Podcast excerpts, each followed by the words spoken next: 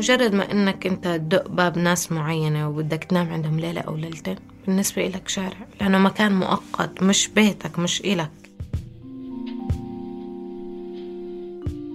وأنا مش قاعد بستفيد أنا بس قاعد برجع برجع برجع. فقررت جبت كيس أسود آه لميت كل الأدوية اللي عندي كل الأشعة كل الفحوصات وكبيته كله في الحاوية.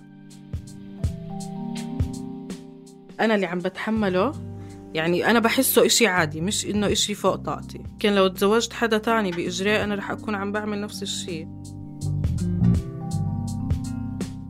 طبعا أنت بتنسجن أول مرة إيه ما بتتخيل قد كمية الصدمة لما بتشوف السجن لأول مرة بحياتك.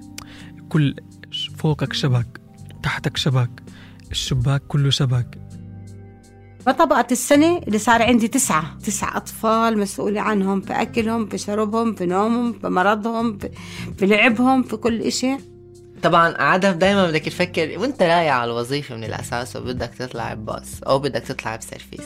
بتضطر تعمل حالك أخرس وما بتحكيش أبدا على أساس إنك إنه مجرد بدك تحكي أي جملة بالباص الباص كله حيطلع عليك وأنت بالباص ما في مساحة تهرب منها أنت ببوكس مسكر وماشي.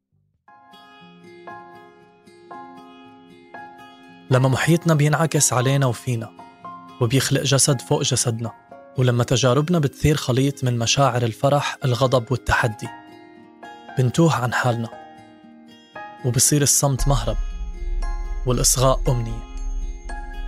أنا سليم سلامة. رح أكون معكم بالموسم الخامس من بودكاست عيب من إنتاج صوت. لأقدم لكم قصص تتمحور حول المحيط الذات والجسد. رح نصغي مع بعض لتجارب تطبع آثارها علينا ولكن بيتم تجاهلها نسيانها أو إخفائها لأنها ما زالت تعتبر بنظر المجتمع. عيب.